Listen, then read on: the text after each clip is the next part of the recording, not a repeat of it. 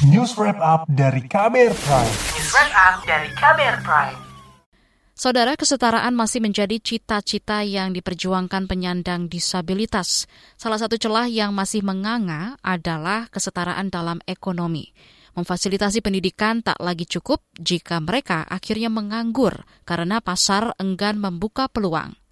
Di Bontang, Kalimantan Timur, problem besar inilah yang coba dicarikan solusi oleh Anggi Gunadi dengan mendirikan inkubator bisnis Permata Bunda. Kegigihannya diapresiasi dengan berbagai penghargaan, termasuk Marif Award 2022. Seperti apa perjuangannya? Simak laporan khas KBR bagian pertama yang dibacakan Astri Yuwanasari.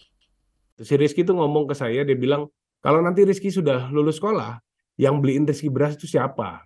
Anggi Gunadi selalu merinding begitu terngiang ungkapan Rizky Ervanda, seorang remaja tunarungu pada awal 2013. Itu untuk pertama kalinya Anggi berinteraksi intens dengan difabel. Padahal istrinya memimpin sekolah luar biasa SLB Permata Bunda di Bontang, Kalimantan Timur, menggantikan sang ayah yang sudah meninggal. Dan sebelum meninggal memang sering banget kasih pesan gitu ya. Uh, bahkan sebelum beliau meninggal itu sempat ada pesan titip adik-adikmu gitu. Karena memang itu tidak connect dengan keluarga istri saya, adiknya cuma satu. Kata-kata adik-adik ini berarti nggak nggak merefer ke adik kandungnya gitu. Kala itu Anggi masih bekerja di perusahaan multinasional yang berlokasi di Bontang dengan posisi tinggi, selevel general manager. Ia tak pernah tertarik dengan aktivitas mertuanya di bidang pendidikan untuk difabel.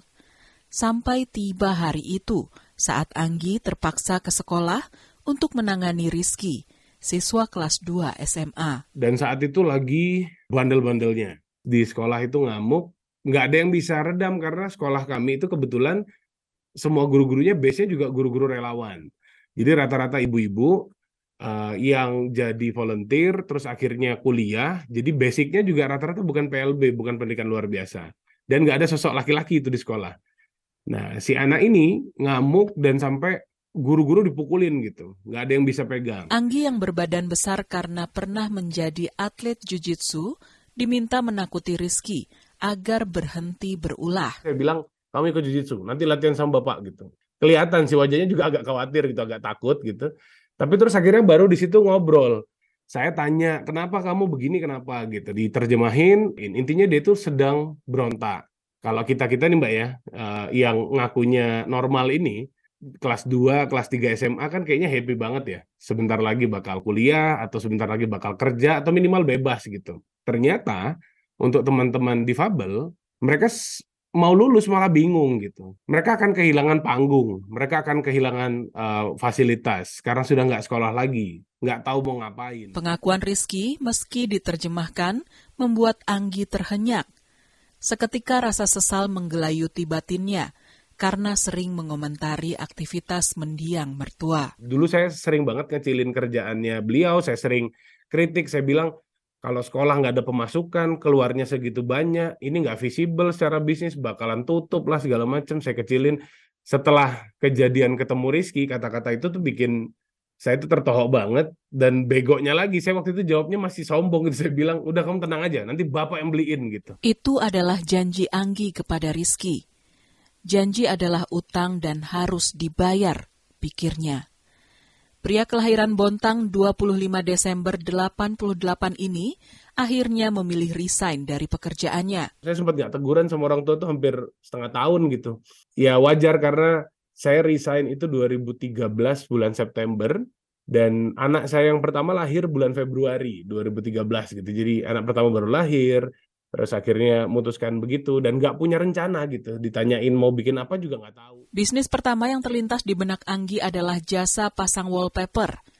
Ide ini tercetus dilatari minatnya pada desain interior. Pas Rizky ngerjain saya ngelihat kayaknya ada potensi gede deh teman-teman tuli nih. Pada saat dia ngerjain itu lebih uh, fokus nggak gampang terdistrak mungkin juga karena dia nggak uh, mohon maaf nih nggak nggak dengar gitu ya. Nggak gangguan nggak banyak fokus banget ngerjainnya.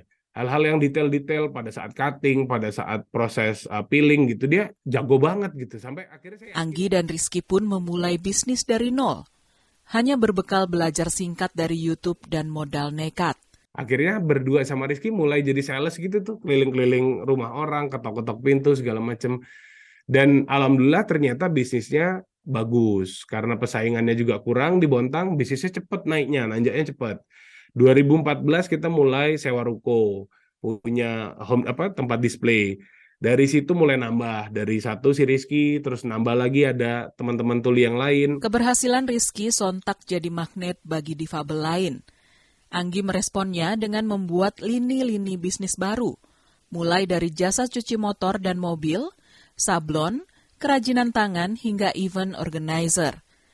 Untuk mewadahi berbagai usaha ini, Anggi dan istri mendirikan inkubator bisnis atau Inbis Permata Bunda. Uh, ini sekaligus menjawab nih banyak yang tanya apakah inkubator bisnis Permata Bunda itu tuh relate dan connect sama inkubasi inkubator bisnis yang ada di kampus-kampus gitu. Jawabannya sih enggak sebenarnya.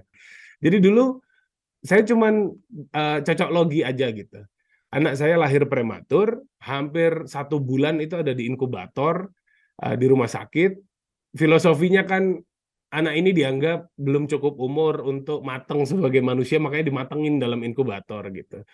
Ya akhirnya dulu cocok logi, saya pikir juga teman-teman difabel kalau selama ini dianggapnya berkebutuhan khusus, nggak bisa ngelakuin sesuatu hal, ya udah deh kita siapin wadahnya, namanya inkubator bisnis. Pada 2016 ujian pertama datang. Bontang dilanda krisis karena diterjang PHK massal akibat harga komoditas tambang jatuh. Daya beli warga anjlok sehingga berdampak pula pada bisnis Inbis. Kota Bontang yang 160 ribu penduduknya saat itu kehilangan 25 ribuan orang di PHK. PNS telat gajian, uh, honorer bahkan nggak gajian, dan di Inbis juga kena dampak. Usaha kita kan semuanya di bidang yang non uh, kebutuhan pokok gitu ya, bukan kebutuhan pokok. Kebayang juga orang nggak gajian, terus kepikiran pasang wallpaper di rumah itu kan nggak mungkin gitu, itu nggak mungkin kejadian gitu. Sampai akhirnya kita anjlok banget, sampai ada di titik yang satu bulan saat itu tuh omset kita cuma 600 ribu gitu. Sementara teman-teman difabel yang sudah bergabung, sudah kerja itu ada 15 orang. Anggi dan istri bertahan sekuatnya demi memenuhi wasiat orang tua. Aset-aset pribadi pun dijual demi menutupi kerugian Inbis. Mampukah mereka keluar dari krisis? Simak kisahnya esok. Demikian laporan khas KBR, saya Astri Yuwanasari. Kamu baru saja mendengarkan news wrap up dari KBR Prime. Dengarkan terus kbrprime.id, podcast for curious minds.